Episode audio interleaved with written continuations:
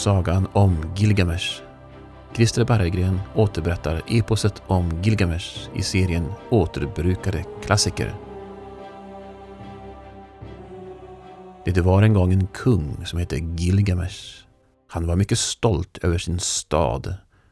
Gilgamesh var stolt över Uruk och dess starka murar. När krig rådde kunde folket i Uruk inte önska sig en bättre kung än Gilgamesh. Han gick först i ledet som en ledare och sist i ledet som ett stöd för sina bröder. Hans armé var en flodvåg som krossade allt i sin väg. Som soldat i hans armé var du odödlig som en gud. Allt vek undan för dig. När du återvände hem sågs du som en hjälte. När fred rådde var Gilgamesh rastlös, en infångad vildtjur. Det hände att han utmanade stadens unga män och slog dem till marken. Det hände att han bröt sig in i deras hem och tog vad han önskade. Staden var hans, hela världen var hans, ingen kunde stå emot hans kraft. Hans folk led när de borde ha varit lyckliga. Gudarna hörde folkets klagan och skapade Enkidu, ursprungsmänniskan, den enda som kan mäta sin styrka med Gilgamesh. Enkidu fyllde igen jägarnas hångstgropar i skogen. Enkidu skrämde herdarna på slätten. Folket vände sig till Gilgamesh för hjälp. Gilgamesh förstod att endast en kvinna kunde få en sådan man att lämna djuren och förena sig med människorna. Det föll på Shamat, glädjeflickan, att lära Enkidu att älska. Visa dina bröst, sära dina ben, låt honom känna din doft. Då ska han lämna djuren och förena sig med människorna. Shamat hittade Enkidu vid floden. Hon visade sina bröst, särade sina ben. Enkidu kände hennes doft. Under sex dagar och sju nätter lämnade han inte hennes sida. Sedan vände sig djuren bort från Enkidu. De kände kvinnans doft på honom. Enkidu var inte längre en av dem. Shamat gav Enkidu bröd, jord på det odlade vetet.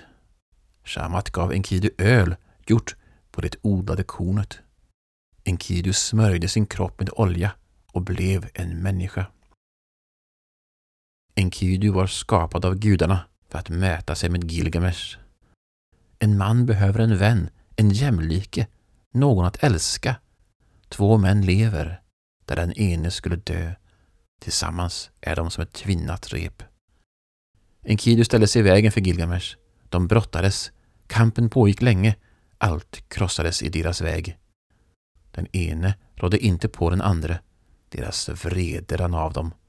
De blev vänner. Gilgamesh vill döda Humbaba, cederskogens väktare. Ett äventyr för en hjälte. Hans mor, Ninsun, avrådde honom. Hans vän, Inkidu varnade honom. Stadens äldste försökte hejda honom. Umbabas röst är stormflod. Hans andedräkt är död. Hans tal är eld. Gilgamesh var två tredjedelar människa, en tredjedel gud. Han var byggd som en hjälte. Talet om faror bara sporrade honom. Cederskogen var ett tempel för gudar. 60 dubbeltimmar med susande urskog. Umbaba var dess väktare. Han hade gudarnas beskydd. Väldig i sin vrede mötte han Gilgamesh och Enkidu. Enkidu, jag såg dig som liten och lät dig springa. Ska du komma nu och mäta dina krafter mot mig? Och Gilgamesh, lika tokig som sin far en gång, den galne kungen av Uruk, finns det ingen gräns för ditt övermod. Gilgamesh och Enkidu anföll Humbaba med yxor och svärd. Ljusa moln blev mörka, döden regnade över dem som i en dimma, de halkade omkring i blod. Enkidus mod svek, men Gilgamesh manade honom framåt. När Gilgamesh drabbades av fruktan var det Enkidu som tog befäl. Då kom solguden, Shamas, och lät tretton vindar blåsa mot Humbaba. Ninsun, Gilgamesh mor, hade bett solguden att blåsa tretton vindar mot Humbaba. Vildvinden, virvelvinden, köldvinden, dammvinden och sandstormen fick Humbabas ansikte att mörkna. Han bad om nåd, talade med list, hotade med gudars vrede, lockade med evig ära. Gilgamesh tvekade, men Enkidu manade på honom. Två män lever, där den ene skulle dö. Tillsammans är de som ett tvinnat rep. Humbabas sista ord blev en förutsägelse. Enkidu ska inte leva länge. Gilgamesh ska sörja sin vän. Tung föll yxan på Humbabas huvud och han talade inte mer. När Humbaba var död fällde de träden, den dyrbara seden som skulle berika Uruk. De återvände som hjältar. Stolta gick Gilgamesh och Enkidu på Uruks gator, öppna för smicker och beröm. Kvinnorna sa att Gilgamesh var den vackraste av alla unga män. Även gudarna såg det. Ishtar var kärlekens och krigets gudinna. Hon såg det också. Kom, Gilgamesh, bli min älskare. Skänk mig din frukt och jag ska göra dig rik. Ishtar var kärlekens och krigets gudinna. Hon älskade hingsten men gav den sporrar och piska. Fågeln hon fick som barn skriker i skogen efter sin brustna vinge. Herden som gav henne värme blev en varg som jagades för flykten undan sina egna hundar. Kom, Gilgamesh, gå in i mitt hus och känn doften av cederträ. Kungar och herremän kommer att buga sig för dig och ger dig gåvor från berg och land. För den som är utan gräns är passionen snabb men ledan lång. De som dyrkar dig är gräs under dina fötter. Mot en gud är människan bräcklig. Gilgamesh avvisade henne. Din kärlek är ett tunt täcke mot nattens kyla. Som en hund skulle jag sova vid din port.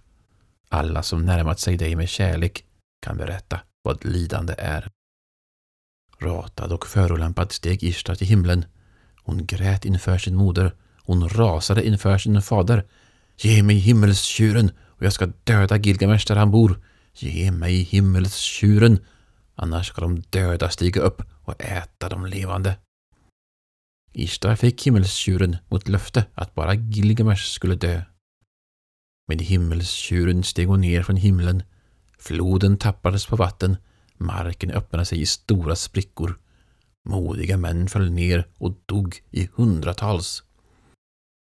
Enkidu gick bakom tjuren, tog dess svans. Gilgamesh stod stadigt framför, stack kniven i dess nacke. Gilgamesh och Enkidu dräpte himmelstjuren och skar ut hans hjärta. På natten höll gudarna råd. Gilgamesh och Enkidu hade gått för långt. En av dem måste dö. Gilgamesh var två tredjedelar människa, en tredjedel gud. Ninsun var hans mor. Ninsun, gudinnan, bad för sin son. Enkidu såg detta i en dröm. Nästa dag blev han sjuk. Gudarna hade gjort sitt val. Enkidu ångrade sitt. Vad är mitt öde? Vad är mitt liv? Varför har gudarna vänt sig bort från mig? Enkidu förbannade jägarna som fann honom i skogen. Enkidu förbannade herdarna som såg honom på slätten. Enkidu förbannade kvinnan som gjort honom till en människa. Varför lämnade jag slätten där jag gick med djuren och var stark? Varför kom jag till staden som gjorde mina lemmar svaga? Solguden la sin hand på Enkidus ansikte. Solguden talade med honom om rätt och fel. Enkidu ångrade sina hårda ord och fann frid till slut. Den friden var inte given Gilgamesh. Gilgamesh vakade över sin vän. Han vek inte från Enkidus sida. Stor var hans vrede. Han skrek ut sin bitterhet, men Enkidu blev bara sjukare. För varje dag som gick rann livet ur honom. När Enkidu dog grät Gilgamesh i sex dagar och sju nätter. Först när en mask kröp ur Enkidus näsa kunde Gilgamesh begrava sin vän. Men han kunde inte begrava sin rädsla för döden. Den drev honom ut i vildmarken. Gilgamesh vandrade över alla länder, färdades över alla hav. Han klättrade de högsta bergen och slogs med lejonen i passet. Den ljuva sömnen fick han inte mycket av. Hålögd och med insjunkna kinder kom han till tvillingberget Mashu vid jordens slut, där solguden påbörjar sin resa över jorden varje morgon. Skorpionmänniskorna levde där. De vaktade passagen mellan människornas värld och gudarnas. Vem är du? Vad vill du? Till vem är du på väg? Gilgamesh var trött och fylld av sorg. Av den stolte konungen fanns ej mycket kvar. Jag är mannen som begråter sin vän. När gudarna skapade människan gav de henne ödet att en gång dö. Därför söker jag Utnapishtim, den enda människan som gudarna skänkt gåvan av evigt liv. Skorpionmänniskorna såg det gudomliga i Gilgamesh och lät honom passera. Gilgamesh fick vandra vägen genom bergets hjärta, passera gränsen mellan människa och Gud. Ljud fanns inte. Tid fanns inte. Han kunde inte se framåt. Han kunde inte se bakåt. Från soluppgång till soluppgång vandrade han utan att känna tiden. Skillnaden mellan liv och död suddades ut. Sedan ljus, bländande sol, vatten som slog mot en strand, vinden som säger att han lever. Gilgamesh hade kommit till gudarnas trädgård, där träden bär ädelstenar istället för frukt. Klädd i trasor kom Gilgamesh till Sedurus taverna, till gudinnan som bryggde gudarnas öl och vin. För henne lättade han sitt hjärta, fördömde sitt öde och förklarade sitt uppdrag. Utnapishtim sökte han, den enda människan som gudarna skänkt gåvan av evigt liv. Sidurus svarade att livet han söker inte står att finna. Siduri, bryggaren av gudarnas öl och vin, sa Dag som natt, natt som dag, dansa och var glad, håll dina kläder rena, din mage fylld, vårda barnet som håller dig i handen, gläd din hustru med din famn. När gudarna skapade människan tillät de henne att dö, men det eviga livet behöll de för sig själva. Gilgamesh berättade hur han blev vän med Enkidu, hur de dödade Humbaba och tog cederträd till Uruk. Gilgamesh berättade hur de slog himmelstjuren till marken och stillade Ishtars vrede. Gilgamesh hade vandrat till världens rand, passerat gränsen mellan människa och Gud. Nu ville han träffa Utnapishtim, den enda människan som gudarna skänkt gåvan av evigt liv. Siduru visade vägen till färjekaren Ushnahabi. Endast han kunde föra Gilgamesh över dödens hav. Endast han kunde föra Gilgamesh till den andra stranden där Utnapishtim bor. Färjekaren vakade över de flygande urnuormarna. Färjekaren vakade över de av sten.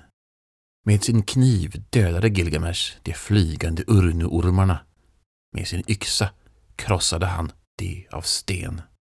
Med sin egen hand förstörde han för sig själv. I urnuormarna fanns kraften. I de av sten fanns kraften. Utan kraften kunde färjekaren inte föra båten säkert över dödens hav.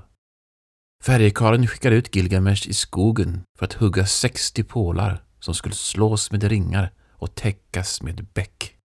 Med dessa skulle de våga resan över dödens hav till den andra stranden där Utnapishtim bor. Den ena pålen efter den andra gick förlorad på dödens hav. Till sist hade de ingen kvar. Då rev Gilgamesh masten. Med masten stötte han båten framåt den sista biten. Utnapishtim stod på stranden och såg honom komma. Utnapishtim hade överlevt stormfloden som gudarna släppte lös för att minska människors antal. Varnad av guden Ea som viskade i vassen byggde Utnapishtim en ark lika lång som bred. När regnet kom ledde han sin hustru ombord, ledde han familjen ombord och alla som arbetat på arken. Bergens vilda djur och steppens jordar ledde han ombord. Frö från allt levande tog han med. Sedan kom stormen. Himlen öppnade sig. Mörkret föll över jorden. Under sex dagar och sju nätter blåste stormen. Stormfloden dränkte allt land. Gudarna flydde skrikande till den yttersta randen. Efter sex dagar och sju nätter blev det lugnare. Vattnet sjönk undan och landet kunde födas på nytt. Utnapishtim lät en duva lyfta från sin hand. Duvan fann inte land och kom snart tillbaka. Utnapishtim lät en svala lyfta från sin hand. Svalan fann inte land och kom snart tillbaka. Utnapishtim lät en korp lyfta från sin hand. Den fann land och kom inte tillbaka. Då offrade Utnapishtim till gudarna. De samlades hungriga kring hans offer. Som tack för att Utnapishtim räddat människans öde gav gudarna honom och hans hustru evigt liv. Nu stod han på stranden och såg Gilgamesh komma. För Utnapishtim utgöt Gilgamesh sin sorg och frågade efter sitt öde. Hur kan jag undkomma döden som tog min vän? Utnapishtim svarade. När gudarna skapade människan gav de henne döden som sitt öde. Den sköna unga mannen, den vackra kvinnan, döden tar dem när livet är som bäst. Den döde och den sovande liknar varandra. Gudarna hade gett Utnapishtim evigt liv. Utnapishtim förstod inte varför Gilgamesh sökte detsamma. Om Gilgamesh ville ha evigt liv skulle han prova att vara vaken i sex dagar och sju nätter. Gilgamesh satte sig ner och somnade genast. I sex dagar och sju nätter sov han. Varje dag bakade Utnapishtims hustru ett bröd som hon la bredvid Gilgamesh. När Gilgamesh vaknade efter sex dagar och sju nätter trodde han det inte, men det mögliga brödet visade tiden som gått. Utnapishtim bad honom tvaga sig och kläda sig i en skrud som anstår en kung. Det var dags för Gilgamesh att återvända hem.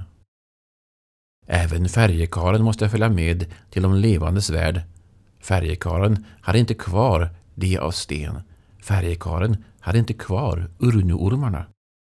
I det av sten fanns kraften. I urnuormarna fanns kraften. Utan kraften kunde färjekaren inte föra båten över dödens hav. Utnapishtims hustru kände medömkan med Gilgamesh. Hon berättade om livets växt, den som äger kraften att göra oss unga på nytt. Livets växt finns på botten av Apsu. Människors öden och tidens gång blandas i Apsu. Odödligheten var utom räckhåll för Gilgamesh, men han kunde bli ung på nytt. Gilgamesh fäste stenar vid sina fötter. Han dök i Apsu och såg djupet. Gilgamesh plockade livets växt. Han höll livets växt i sin hand. Vis av olyckor och märkt av gudars nyckfullhet ville han inte äta den direkt. Gilgamesh ville ta livets växt till Uruk och låta en av åldermännen smaka först. Gilgamesh la ifrån sig livets växt. En orm kom och åt upp den. En orm åt livets växt. Ormen ömsade skinn och blev ung på nytt. Allt som Gilgamesh hade gjort var förgäves. Det var en gammal man som återvände till Uruk. Gilgamesh var gammal när han återvände hem. I Uruk var man först med att odla vetet, först med att odla rågen, först med att brygga ölet och baka brödet. Man var först med att tämja djuren och besegra naturen. Uruk är människans hem. Stolt visar Gilgamesh upp sitt Uruk för färjekaren. Se dessa murar, se dess omfamning, se vad människan kan åstadkomma. Gilgamesh var kung av Uruk. Han blev vän med Enkidu. Tillsammans slog de Humbaba och tog seder till Uruk. Gilgamesh dödade himmelstjuren och stillade Istars vrede, lika stark som hennes passion. Gilgamesh förlorade sin vän och fruktade döden.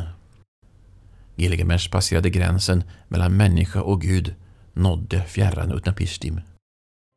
Gilgamesh dök i Apsu, vishetens källa, och försonades med sitt öde. Gilgamesh betyder den som sett djupet. Folket i Uruk kunde inte ha önskat sig en bättre kung.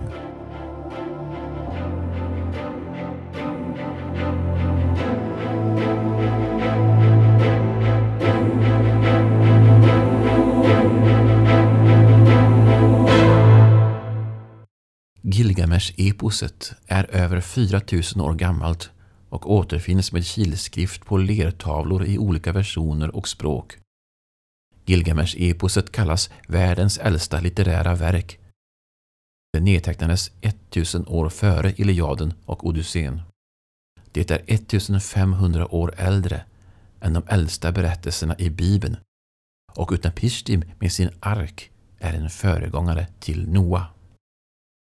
Sagan om Gilgamesh av Christer Barregren ingår i serien Återbrukade klassiker. Boken är utgiven på A Pinch of Magic Publishing 2023.